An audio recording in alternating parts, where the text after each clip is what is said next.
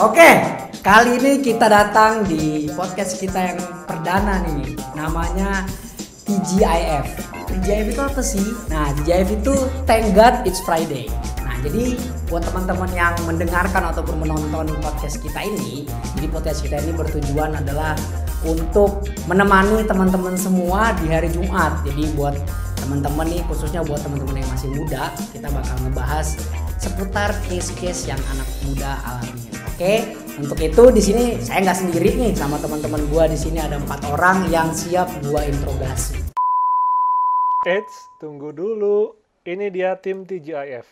Ada Patricia, Lovelyn, Marisa, Stefan, Jericho, Kevin, Joel, dan Christian. Lanjut lagi ke videonya. Nah, jadi mereka berempat ini nih mereka udah bersedia dengan senang hati untuk saya interogasi. Nah, topik kita untuk yang pertama untuk di TGIF adalah kita akan membahas tentang pacaran. Nah, pasti udah nggak asing lagi lah buat kita kita semuanya nggak asing nggak? Nah, jadi kita mau bahas soal pacaran nih. Buat kalian nih pertanyaan-pertanyaan yang pertama nih, terserah lah yang mau jawab duluan tapi kan ladies first dulu deh. Kira-kira nih pernah nggak pacaran? Eh, Pernah nggak? Pernah, pernah. Gimana, Je? Pernah dong? Pernah? Jo, gimana Jo? Pernah. Ban? Sudah pasti. Udah pasti ya. Nah, ya memang ringan-ringan dulu lah. Pacaran pasti udah pernah. Gue juga sendiri udah pernah. Untuk pertama kali kira-kira kalian di umur berapa atau di kelas berapa nih kalian pacaran?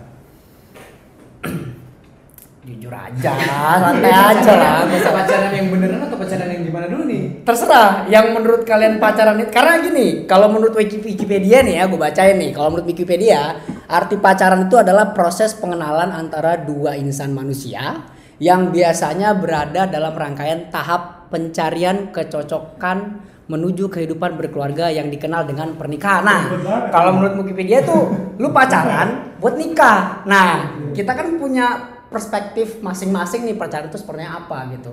Gue deh, gue duluan. Kalau gue pacaran, paling pertama gue pacaran itu pacaran main-main, wis. Pacaran main-main itu waktu paling pertama tuh gue waktu gue masih kelas 1 SMP. Kelas 1 SMP. Itu pun juga sama teman-teman sih. Awalnya bercanda-bercanda, lu suka nggak sama dia? Suka sih, cuman ya gimana sih waktu masih zaman SMP kan.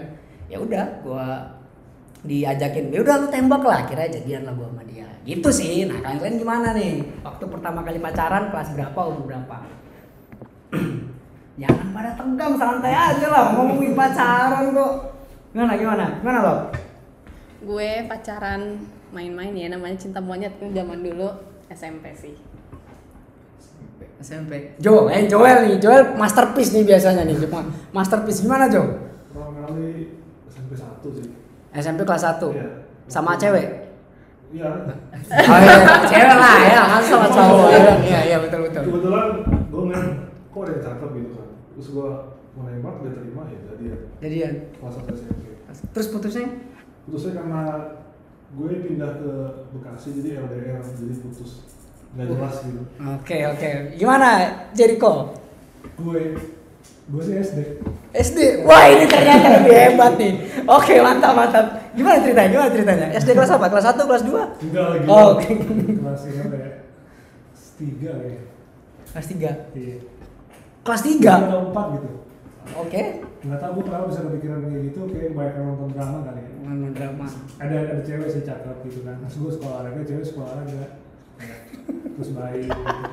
Kelas udah 3. gue dulu jam dulu kan nembaknya pakai surat tuh Oke. tulis surat Surat. eh Ya. tapi diterima Terima terus jadian sampai kelas 6 sampai lulus. sebentar doang karena Ah. anak kecil perasaannya tuh berubah-berubah gitu jadi kayak Berubah. berapa ya tiga bulan kali Udah kelar gitu ya. Iya. Lu gimana? Gue SMP sih. Oh, SMP nih sama nih sama nih. Tapi kalau main-main banget sih cepet ya jadian langsung putus sejam. itu pacaran atau teleponan itu? itu main-main tuh di SD banyak ya. Cuma kalau kalau pacar yang main-mainnya agak serius. Nah, sih main-mainnya agak serius. SMP, mulainya SMP.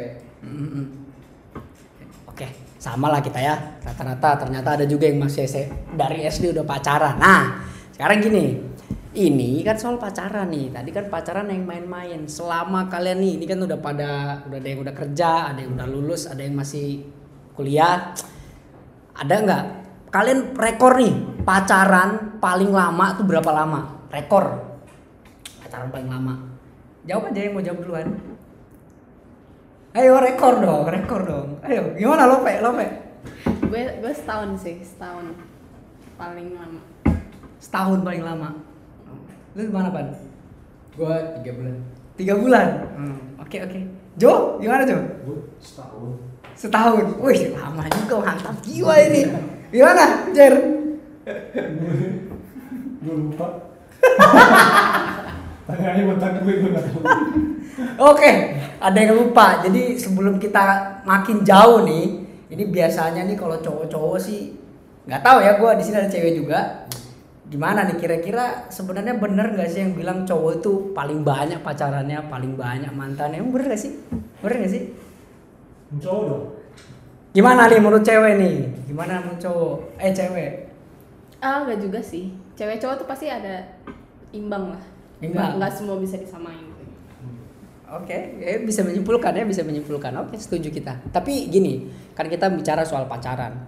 Nah, kita topik yang sebenarnya ini kan masalah pacaran PSBB, pacaran PSBB. Seperti yang tadi nih udah gue udah baca, pacaran itu kalau menurut Wikipedia kita itu mau nikah. Nah, sekarang nih kalian masih pada jomblo Pak? Pada punya pacar apa pada jomblo nih? Jujur aja lah, jujur aja lah. Kali aja nih yang denger bisa ngelihat kalian pada ketertarik, yang nonton nih pada tertarik ini siapa sih ini siapa sih?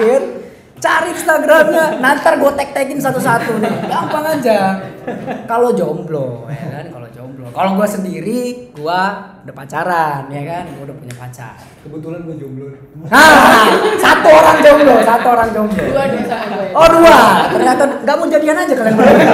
Nggak mau. Oh, barangkali kan setelah ini, kan. Tapi tenang, tapi tenang, tenang. Buat kalian-kalian jangan pada sedih. Ini masih jomblo, ini masih jomblo dan belum tentu mereka jadi. Ini gimana nih buat berdua nih? Gue independen. Independen, oke independen. Jadi bebas diapa-apain. Iya, available lah. Available. Oke, gimana Jo? Gue masih single dan mau mencari kesuksesan dulu. mencari kesuksesan kesuksesan apa nih untuk nyari cewek kan juga butuh usaha nah kalau Iya. dapat sukses juga itu Enggak maksudnya kalau kita sukses, mereka yang tertarik gitu. oke mantap berarti biarkan duit berbicara ya oke berarti rata-rata wah gua doang yang punya pacar nih kayaknya nggak enak nih pacar gimana mau nanya ya? Ya udahlah nggak apa-apa. Pacaran kalian kan pasti udah pernah pacaran. Kita langsung deh karena lagi keadaan sekarang nih lagi covid lagi corona lah ini nggak tahu kapan berakhirnya sekarang. PSBB Jakarta nambah lagi PSBB perpanjang kemarin udah senang-senang new normal ternyata apa? New PSBB sekarang malah makin parah kan malah makin ketat susah buat ketemuan Lu gimana lu pacaran? Nah, Bisa itu kan. cewek? gua tuh udah terhalang karena PSBB terhalang karena jarak bro beda pulau kita ini jadi buat kamu yang di sana ini aku rindu ah sudahlah sudahlah nah buat kalian nih pacaran pacaran PSBB di sini dibilang nih gini gara-gara PSBB kita ini akhirnya tuh jadi yang pacaran tuh jadi LDR. Karena apa? Padahal cuman tetangga beda berapa rumah karena gara-gara COVID PSBB nggak boleh kumpul rame-rame. Nggak bisa ketemu ya? bisa ketemu nih. Jatuhnya LDR kan? Nah kalian pernah nggak LDR gitu? Dan LDR paling lama kalian tuh berapa lama? Enak nggak sih kalian tuh LDR? Apa? Gimana? Menurut kalian LDR itu seru apa biasa aja atau gue nggak mau LDR kan LDR lama diterpa rindu. Nah itu LDR LDR gimana nih? Kalau gue jujur gue eh, semenjak awal Maret wis awal Maret udah awal tahun lah awal tahun 2020 doi udah berangkat kan ke Manado. Pas doi berangkat lagi angkat-angkatnya corona sampai sekarang kagak pernah ketemu cuman bisa untungnya sih kita hidup di zaman dunia mi- milenial coy. Lu ke mana-mana bisa video call segala macam bisa ngeliat muka cuman tetap aja kalau nggak ada sosoknya dia di samping itu berasa ah lah gitu. Itu kalau gua gua susah tuh kalau LDR cuman ya gua nggak bisa nggak bisa apa sih namanya mengelak sama itu. Karena ya ini sudah yang terjadi gitu gua harus jalanin. Nah kalian kalian gimana? Waktu LDR kalian rasanya gimana? Kalau gue sih LDR pernah, pernah tapi waktu SMP kelas 3 sampai kelas tiga oh gua tahu nih gua tahu. Ceritain aja ceritain aja. Ceritain aja. Oke oke Gimana ya rasanya LDR tuh ya kayak hampa yang nggak ngerasa ngerasa apa apa ngomongnya sayang sayang di sana ya tapi nggak bisa ngerasain tuh dia di sini Oh, dia iya. jauh jangan gila banget dan itu pun jadiannya ya jadian online SMS. dulu zaman BBM Oh, BBM, jangan BBM. Oke, oke, oke. jadi waktu itu eh, ketemu sama nih cewek dikenalin bukan dikenalin teman lama teman SD sebenarnya terus Temen gue juga kayaknya tuh. tiba-tiba abang gua nih abang gua ngasih apa ngasih BBM itu. Nih ada yang mau apa minta pin lu katanya. Ini Ya udah dikasih. Abang gua bilang e, ambil aja nih pin gua. Gua kasih pin gua ke dia tiba-tiba gua di apa sih namanya kalau di add kalau BBM dulu tuh? Invite, ya di invite ya di invite. Temu ah ternyata temen SD gitu kan. Ngomong-ngomong-ngomong gue pasang satu profil foto gue yang menurut gue paling ganteng lah Dari sekian banyak ya. Iya, Oke, oke. Pas gue pasang ih tiba-tiba dia nge-reply dia bilang ih Lucu gagah banget sih gagahnya Oh, gagahnya kak. Oh, orang balik papan. Jadi gini, Bra. Kalau udah ngomong gagahnya kamu, ah itu cengkok-cengkoknya orang balik papan itu kalau ngomong kayak gitu. Sudah kamu jangan begitu sudah. Ah, itu orang balik papan tuh. Lanjut, lanjut, lanjut. jadi dia ngomong gagah gue kaget dia pertama kali bilang kaget nih sama cewek kan gitu kan Eh, padahal dulu waktu SD gue sama dia musuhan musuh musuh wah musuh buyutan lah parah tapi ketemu ngomong-ngomong ngomong segala macam akhirnya lama-lama muncul rasa-rasa suka jadian. Oh, iya, oke, oke, oke, oke. pas sudah jadian ya gitu. Ngomong biasa telepon kayak lainnya cowok sama cewek pacaran gitu kan. Gak ada rasa gitu kan. Sampai akhirnya tiba-tiba handphone ya handphone handphone rusak waktu itu. Iya. Handphone rusak gak ada kabar sekitar tiga minggu tiga minggu hampir sebulan. Pas gue chat lagi gimana hubungan kita? Dia bilang entahlah. Salah. dari situ ya sudah oke. Sampai sekarang? sampai sekarang Tapi masih kontak-kontak nggak? masih kontak temen Nah, ntar gue minta pin ya. Jangan dong jangan dong nggak kita udah Sorry ya, sorry ya. kita udah sadar kalau di situ ternyata cuma main-main Oke, oke. belajar lah Ya, jadi menurut gue LDR itu suatu hal yang negatif nggak usah diulang. Enggak juga. LDR itu nggak selalu negatif contohnya ya. Ada sisi positifnya dari LDR. Kita bisa habisin waktu buat ngelakuin hobi kita. Iya nggak? Iya kan? Iya sih, Kalau kalau lu LDR terus terus selalu maunya nelfon dia, video call dia, lu kayak "Anjir, waktu buat kita apaan sih gitu. Misalnya lu suka baca buku, kapan lu bisa baca? Kalau misalnya lu main musik, kapan lu punya waktu untuk main musik? Jadi ada juga sisi positifnya dari LDR itu. Kalau kalian ada nggak menurut kalian sisi Kalau gue positif? ada lah pasti. Kalau gue sih positifnya ya belajar bertahan itu positif dong. Ntar ke depan ke depannya kalau kita menemukan sesuatu yang kayak gitu ya kita udah tahu oh ini bakal kayak gini. Jadi kita harus pergi aja lah gitu. Itu Menurut gua gitu. Belajar dari kesalahan itu mungkin satu hal yang positif ya kayak LDR ya. Jadi LDR itu melatih kesabaran. Iya mati kesabaran Pasti. banget pasti. itu. Iya, mesti sabar banget lah kalau kayak gitu. Contohnya lagi sekarang, karena gue lagi di posisi itu. Eh, tar dulu, tar dulu. Sekarang gimana di cewek nih? Cewek gimana nih? Iya. Ini kan dari cowok tadi. gue setuju sih sama lo eh, gue satu pikiran maksudnya itu melatih eh, Sabaran. soft skill sabaran Emang pernah LDR? Hah? Pernah LDR? kayaknya sih pernah Oh, Oke, mantap, mantap. pernah. At least pernah ngerasain walaupun cuma beda beda berapa jam. Iya. itu LDR itu. Iya, LDR itu. iya. Eh tapi gini, ngomong-ngomong soal masalah LDR, nama LDR itu pasti punya positif negatif lah, pasti punya. Nah, cuman gini, ada ada statement tuh yang bilang gini, LDR yang paling jauh itu bukan LDR yang beda kota, beda negara, beda waktu atau beda apa-apa, tapi LDR yang paling jauh adalah LDR yang beda agama. Nah, menurut kalian ini gimana nih? Pernah nggak kalian LDR beda agama? LDR beda agama tuh ya lu, lu pada nih pacaran sama orang yang beda keyakinan sama lu. Pernah nggak lu sendiri? gue belum sih gue enggak sih enggak Nggak pernah? Belum? enggak Mudah-mudahan nggak? enggak mudah-mudahan enggak Oke. Gimana Gue lu? sih pernah. Pernah. Ya. Kesan pertama? awal-awal sih nggak terlalu serius hubungannya jadi kayak beda agama itu bukan masalah Mhm. jadi kayak having fun gitu kan gue sayang sama dia dia sayang sama gue so what agama apaan sih Lah, So just- Ya kan?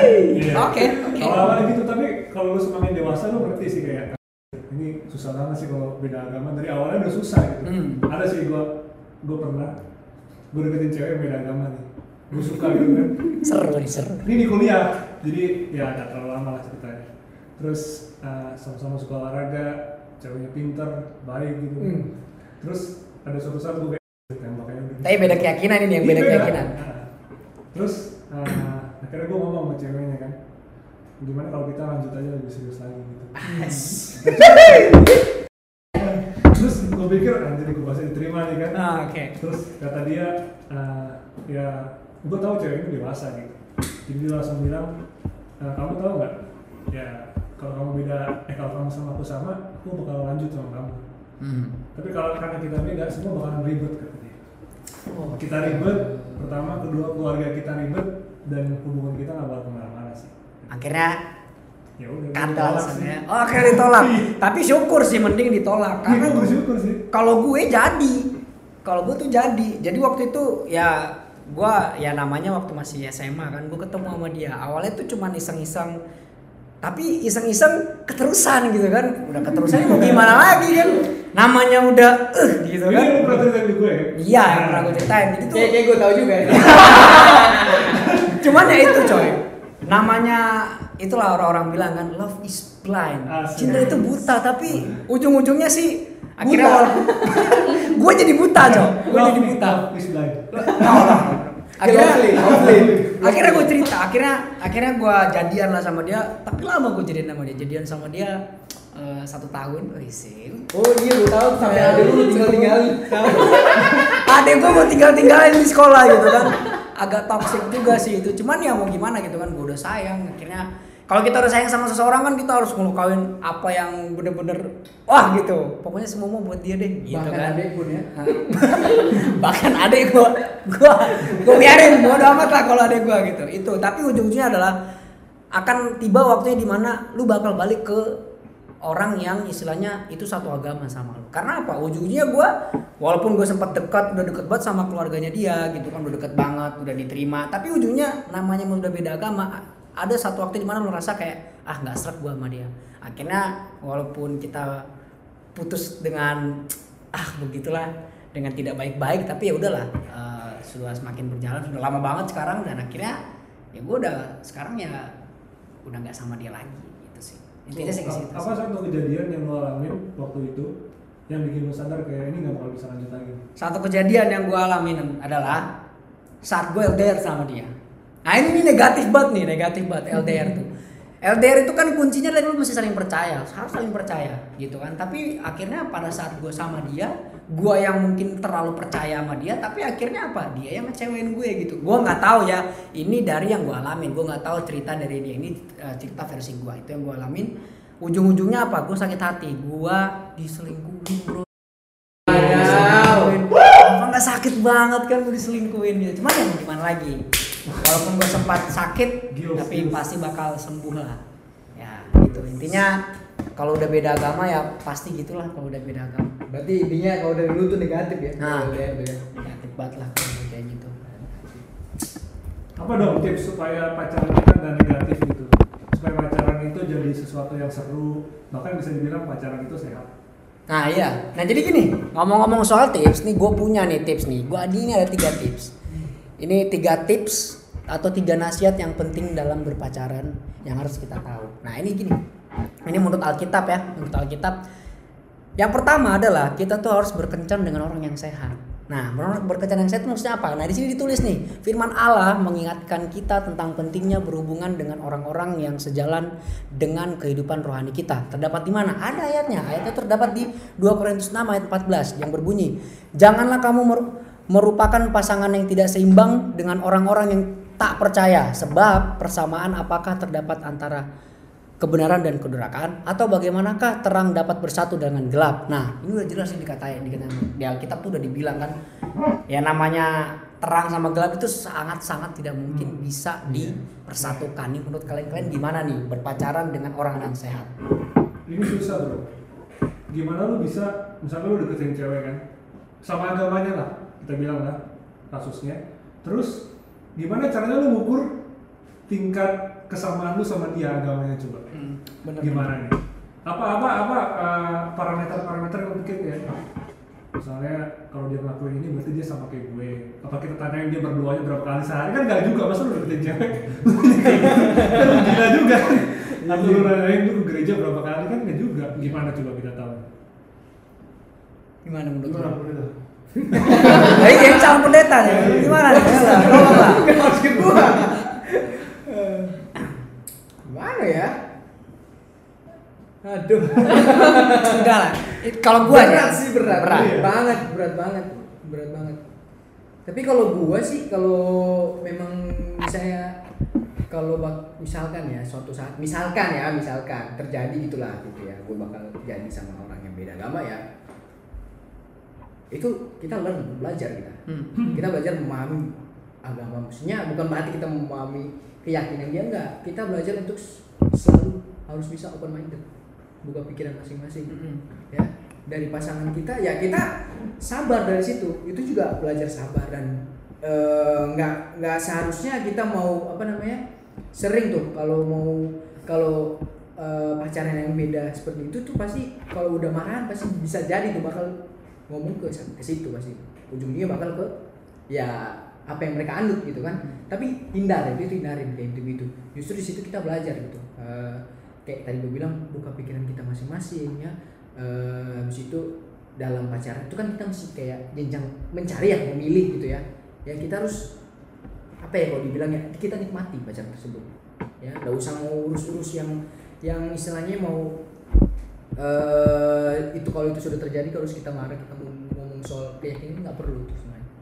Jadi menurut gua sih mending Lebih open minded lah. open minded lah pikiran masing-masing dan itu justru kita belajar di situ loh belajar banget di situ kan belajar untuk saling memahami ya sama sama lain karena kita kan beda keyakinan gitu kan dan belajar untuk selalu bisa apa selalu saling mengalah lah istilahnya jangan sampai tangan akhirnya Oke oke oke. Iya. itu Sip lah. Nah ini yang kedua nih. Jadi yang kedua nih, yang kedua adalah di sini ditulis mana lagi. Jagalah batas-batas fisik. Nah, jagalah batas-batas fisik. Zaman sekarang nggak pegang tangan itu kayaknya bukan pacaran ya. Gimana tuh? Pokoknya kalau jalan begini aja. Ketemu sama pasangan, beteng-betengan gitu kan. Ada ada istilah zaman sekarang mediator kan? apa tuh Public display of affection. Apa tuh? Jadi dia menampilkan kemesraan hubungannya di depan banyak orang. Oh. Banyak tuh gitu. Instagram bro. Iya, Nah, banyak di kayak Insta gitu. story juga. iya kayak makan bisa makan sendiri tapi disuapin gitu Ah, ayo iya. ayo ayo makan yo makan gitu kan Nah, terus di mobil misalnya pegang Iya. tangan. Ya. Mal, lagi mau pegang tangan ntar nabrak jedar Tapi gini bro, gini. Intinya adalah soal masalah jaga batas fisik itu memang sih sulit banget ya untuk zaman sekarang. Tapi di sini ditulis, di sini ditulis nih. So- sorry Jo. di sini kalian bicara kitab kita ini Jo. Di dalam Ibrani 13 ayat 4 di sini tulis nih. Hendaklah kamu semua penuh hormat terhadap perkawinan dan janganlah kamu mencamarkan tempat tidur sebab orang-orang sundal dan pezina akan dihakimi Allah. Di Kidung Agung nih, Kidung Agung 8 ayat 4 kusumpahi kamu putri-putri Yerusalem. Mengapa kamu membangkitkan dan menggerakkan cinta sebelum dinginnya? Nah, berarti jelas banget di Alkitab nih. oh gue ngerti nih berarti kalau yang ayat yang tadi sebelum dibilang katanya kusumpahi kamu putri-putri Yerusalem. Hmm. mengapa kamu membangkitkan menggerakkan cinta sebelum dingin? Berarti cewek dong misalnya. Yang mereka juga. loh mereka bangkitkan gitu kan. Mereka maksudnya istilahnya eh, memakai ya pakaian-pakaian yang nggak sesuai gitu. Itu yang memancing juga memancing gairah cowok kan kalau lihat. Mungkin itu Tapi gini, memang sih kalau udah bicara fisik itu sulit, tapi intinya di Alkitab sudah ditulis. Berarti untuk itu ya kita batas-batasi lah. Oke, tips yang ketiga nih, tips yang ketiga adalah libatkan Tuhan dalam hubunganmu. Nah, di sini ditulis kita mungkin sering bilang ke Tuhan, Tuhan sertai aku dalam setiap langkah hidupku. Aku benar-benar memerlukanmu. Nah, di sini ditulis nih dalam Matius 7 ayat 7. Mintalah maka engkau ak- maka akan diberikan kepadamu, carilah maka kamu akan mendapat, ketuklah maka pintu akan dibukakan kepadamu. Nah, menurut kalian bagaimana nih dalam melibatkan Tuhan dalam hubunganmu terkait pacaran? kalau menurut gue sih penting banget ya kalau melibatkan Tuhan dengan pasangan itu ya. Karena jujur gue waktu sama teman gue ngincar cewek selalu tuh pasti berdoa jadi Sama bilang kata sama. iya pasti berdoa karena kenapa? Kalau nggak berdoa ya nggak bakal dapat. Beneran nggak dapat. Berdoa Berdoa supaya belum mau dapat. iya beneran. Seperti itu bener. Terus tapi bukan berarti kita berdoa Tuhan. Kalau dia punya jodoh putuskan aja sama jodohnya nggak gitu. Kita berdoa ya semoga dia jadi sama kita ya. Iya benar-benar. bener. Ya, Tuhan, terjadi gitu. Kalau misalkan dia bukan jodoh, kalau bukan jodoh Jodohkanlah. jodoh jodohkanlah. Jodoh- Kalau dia jodoh orang lain, biarkanlah saya jadi orang lain itu. Oh iya iya benar mantap mantap mantap benar benar. Gimana Jo? Gimana Jo? Ya jadi kalau misalkan dia kita suka sama orang ya kita pendekatannya melalui cara kalau religi berarti kita misalkan kita kasih ayat Alkitab gitu misalkan Hmm. kayak eh, uh, ada di Alkitab yang bilang aku setiap kali aku melihat firman Tuhan aku teringat kepadamu gitu atau misalkan uh, kita mengaitkan dengan kita kirim lagu pujian atau lagu kita lagi bernyanyi uh, kita kirim lagu bikinan kita sendiri kita kasih buat Hai, jadi jago nyanyi berarti ya. atau puisi I want to be well. Gimana lo? Kalau lo gimana lo? Dalam melibatkan Tuhan dalam hubungan pernah enggak? Gitu. pernah pernah Pernah, pernah, pernah. Jangan underestimate gue gitu. Oh, pernah ya intinya ke situ ya. Tapi gini nih, buat semua nih kalian nih. Terlepas dari semua apa yang kita bahas, memang kita tuh memang harus melibatin Tuhan. Nah, di sini nih ada di buku dari seseorang yang bernamanya Ellen G. White. Ini nam dia judulnya tuh surat kasih bagi pasangan muda. Nah, di sini tulis nih. Dia tulis tuh kayak gini. Nah, untuk teman-teman, jadi untuk para pria, dia bilang gini. Untuk pria muda untuk mencari pasangan, kita harus cari adalah yang berakal budi, adalah karunia Tuhan. Hati suaminya percaya kepadanya. Ia berbuat baik kepada suaminya dan tidak berbuat jahat sepanjang umurnya. Ia membuka mulutnya dengan nikmat dengan hikmat, pengajaran yang lemah lembut dan lidahnya. Ia mengawasi segala perbuatan rumah tangganya. Makanan ke- makanan kemalasan tidak dimakannya. Ini untuk para pri, untuk nah untuk para para wanita nih. Setiap wanita seharusnya memperhatikan apakah pria yang mana si wanita akan menyatukan takdirnya adalah layak. Nah, jadi maksudnya kita harus cari nih layak nggak apa nggak sama kita gitu. Terus bagaimana kehidupan masa lalunya? Kita juga harus tahu masa lalu itu seperti apa. Jadi bukan berarti dapat ketemu eh udah gitu kan. Jadi untuk semua teman-teman dari Ellen. White ini sudah mengatakan seperti itu. Jadi intinya tiga yang tadi intinya. Kita harus ba- menjaga batas fisik, berpa- eh, berhubungan dengan orang yang sehat dan tentunya kita harus melibatkan dalam segala sesuatu khususnya untuk pacaran nih kita harus libatkan Tuhan dalam hubungan kita. Jadi untuk teman-teman semua nih em, sampai jumpa di podcast kita yang selanjutnya. Terima kasih untuk yang udah menonton. Jadi jangan bosan nih dengerin kita. Untuk itu, untuk yang terakhir sampai jumpa di podcast kita yang selanjutnya di TGIF. Thanks God, it's Friday. Bye bye. Dadah, dadah.